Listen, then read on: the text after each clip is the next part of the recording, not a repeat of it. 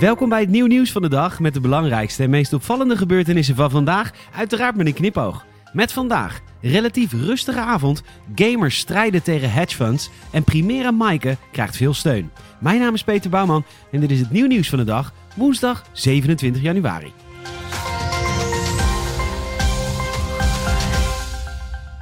Het was gisterenavond eindelijk wat rustiger in het land na het ingaan van de avondklok. Er werden slechts, of niet ja, slechts, er werden 131 verdachten aangehouden, waarvan 81 in Rotterdam. De meeste arrestaties waren vanwege openlijke geweldpleging en opruiing. Het gaat vooral om jongeren, want het grootste gedeelte van het aangehouden reltuig is jonger dan 25 jaar. Bij de relschoppers die zijn opgepakt vanwege opruiing via social media zijn de meeste verdachten jonger dan 18 jaar. Opsporing Verzocht toonde gisteravond ook de eerste beelden van verdachten van eerdere rellen die nog door de politie worden onderzocht. Vanuit Amsterdam werden duidelijke portretten getoond van vier verdachten van rellen op het Museumplein op 17 januari. Direct na de uitzending zijn al zeker 20 bruikbare tips binnengekomen, waarbij ook namen van mogelijke verdachten zijn genoemd. Wat er vanavond gaat gebeuren is natuurlijk onzeker. We gaan het wel weer zien. Het is tijd voor het nieuw nieuwsgetal van de dag. Je krijgt nu een getal en aan het einde van de podcast de context. Het nieuw nieuwsgetal van de dag is 173.000.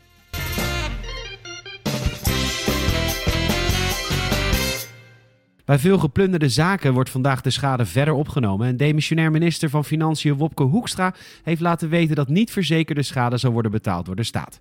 Deze mensen kunnen een beroep doen op het zogenaamde schadefonds geweldsmisdrijven. Ik ga ervan uit dat we daarmee de volledige schade die ondernemers is aangedaan door de raddraaiers weten op te vangen, stelt Hoekstra. De mogelijkheid om een beroep te doen op het schadefonds is de uitkomst van een overleg tussen het demissionaire kabinet, verzekeraars en de Nederlandse bank, meldt nu.nl. Een groot deel werd al vergoed, maar nu is dus ook de schade van niet verzekerde ondernemers gedekt. Uiteindelijk moeten de uitbetaalde schadevergoedingen op de relschoppers worden verhaald, maar daar gaan eerst strafrechtelijke en civielrechtelijke procedures aan vooraf. Iedereen is erop gebrand om dit tot de laatste cent te verhalen, aldus Hoekstra. Ze was de personificatie van de gedupeerde winkeleigenaren na de rellen van eerder deze week. Maaike Neuve-Gliese zag haar Primera in puin en naar aanleiding van die vreselijke beelden startte website Geenstijl.nl een crowdfundingsactie. De blog blijkt niet alleen tendentieus, ongefundeerd en noodloos kwetsend, maar ook erg ruimhartig. Inmiddels is er al ruim 115.000 euro opgehaald en dat gaat gebruikt worden voor meer dan alleen maar haar winkeltje. Bart Nijman van Geen Stijl heeft daar telefonisch gesproken en Maaike wil graag iets doen om ook andere ondernemers te kunnen helpen. Een prachtig initiatief natuurlijk en mocht u ook willen helpen om getroffen ondernemers te steunen, de actie loopt nog steeds. Roy Donders heeft corona. Oké, even een kleine uitleg, maar geloof me, dit is het waard.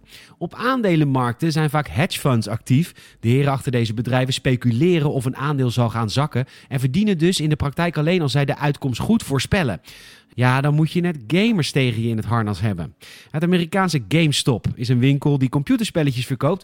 En dat zou je niet verbazen, daar gaat het al jaren niet zo goed mee. Steeds minder mensen kopen hun games fysiek. Je kunt immers uit je luie stoel games digitaal kopen. En ook de coronapandemie heeft de winkelketen niet goed gedaan.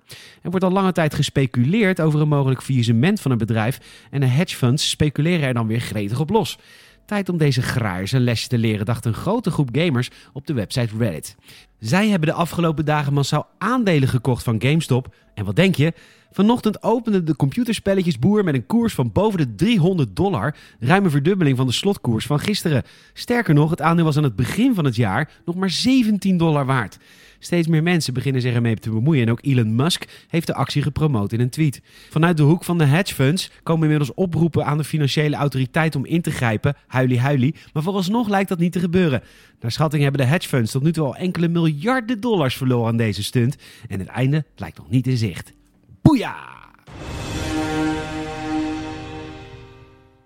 Het was me daar wat toen Donald Trump zijn bevolking vertelde dat hydroxychloroquine zou helpen tegen corona. Complete onzin natuurlijk. Er geen wetenschapper die dat kan bevestigen, maar de staat Oklahoma kocht direct voor miljoenen dollars van het goedje in.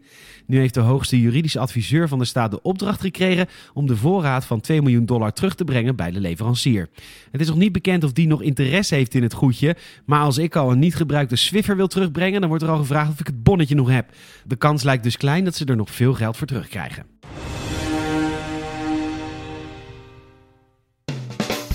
Het nieuw nieuwsgetal van de dag is 173.000. Het is drie weken geleden dat de eerste Nederlander werd ingeënt tegen het coronavirus. En dat betekent dat vanaf vandaag de tweede ronde begint.